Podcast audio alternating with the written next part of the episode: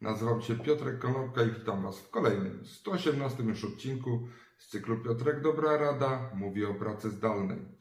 Dzisiaj powiem kilka słów na temat listy pięciu rzeczy, które powinien wiedzieć każdy pracownik pracujący w firmie, która udostępniła możliwość pracy zdalnej dla swoich pracowników. Po pierwsze, to, że jesteśmy w domu, wcale nie znaczy, że możemy pracować 24 godziny na dobę. Każda firma powinna nadal określać godziny, w których jest dostępna. To powoduje, że pracownicy, pomimo tego, że nie widzą swoich koleżanek i kolegów, nadal mogą się z nimi komunikować bez konieczności wchodzenia im w życie domowe, wtedy kiedy akurat ich koleżanki bądź ich koledzy mają czas wolny dla siebie. Ale jak to zrobić? Najprościej wdrożyć harmonogramy pracy, które będą dostępne dla wszystkich zainteresowanych osób, będą dostępne e, na przykład w intranecie. I to Wam pozwoli zarządzać czasem pracy wszystkich pracowników, jak i pra pracą czy czasem pracy całej firmy. Drugi punkt to jest taki, że pracownicy powinni wiedzieć, że jeżeli na przykład podjęliście decyzję, że będziecie pracować e, zdalnie do końca 2020 roku, to pracownicy powinni wiedzieć, czy w związku z tym mają jakieś dodatkowe benefity płynące z tego, że pracują właśnie z domu, a nie z biura. Na przykład Airbnb pozwala swoim pracownikom wziąć urlop y, i pojechać do jednej z lokalizacji Airbnb i to jest benefit wartości 500 dolarów raz na jakiś czas. IKEA urządza swoje, czy Google urządzają swoim pracownikom biura, udostępniając y, określone kwoty pieniędzy na to, żeby te domowe biura były lepiej urządzone. Także zastanówcie się nad tym, jakie benefity związane z pracą zdalną, z pracą z domu wasza firma wdrożyła, bo być może owocowe czwartki nie są już benefitem dla tych pracowników. Trzecią kwestią, którą pracownicy powinni wiedzieć, to jest to, czy mogą pracować z biura. Bo może się okazać, że warunki lokalowe danego pracownika nie będą pozwalały mu na posiadanie swojego własnego kącika. Być może dzieci, które poszły od września do szkoły, już z tej szkoły wróciły i szkoła przeszła w tryb zdalny i ten pracownik może być po prostu zmęczony otoczeniem, może nie mieć swojego miejsca do skupienia się, do koncentracji.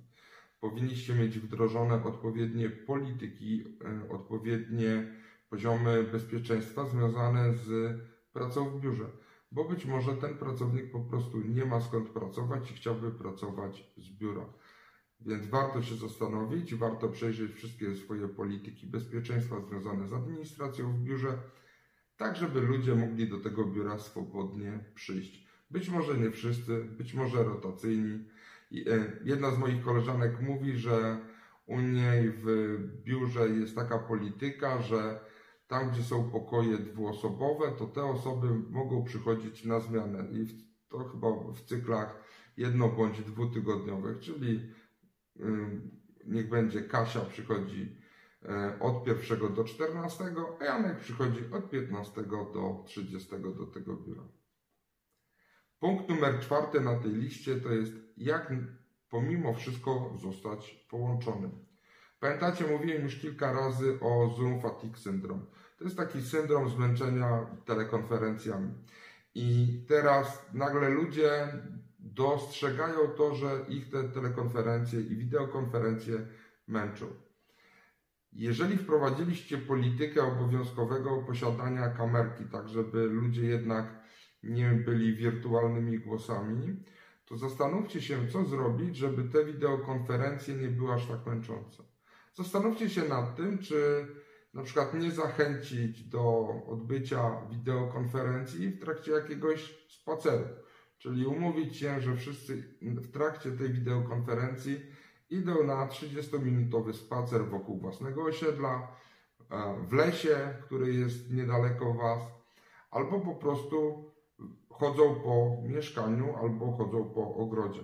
To pozwoli Wam uniknąć zmęczenia mm, wideokonferencjami, a równocześnie będzie podstawą do tego, żeby za dzień, dwa czy za tydzień porozmawiać na temat tego, a co zaobserwowaliście u innych ludzi w otoczeniu, bo jednak należy pamiętać o tym, że te small talki e, biurowe, które do tej pory były przy ekspresie do kawy, warto zastąpić small talkami e, zdalnymi, ale trzeba mieć o czym rozmawiać. Być może obejrzenie otoczenia, w którym pracownik pracuje, czy kolega, czy koleżanka, pozwoli taki temat do small talków mieć.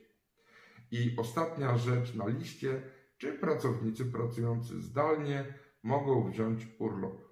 Bo panuje w naszej świadomości takie poczucie, że jeżeli nie jestem w pracy, znaczy, że, a jestem w domu, to znaczy, że nie pracuję. I czasami pracownicy boją się nawet zapytać, czy mogą pójść na urlop.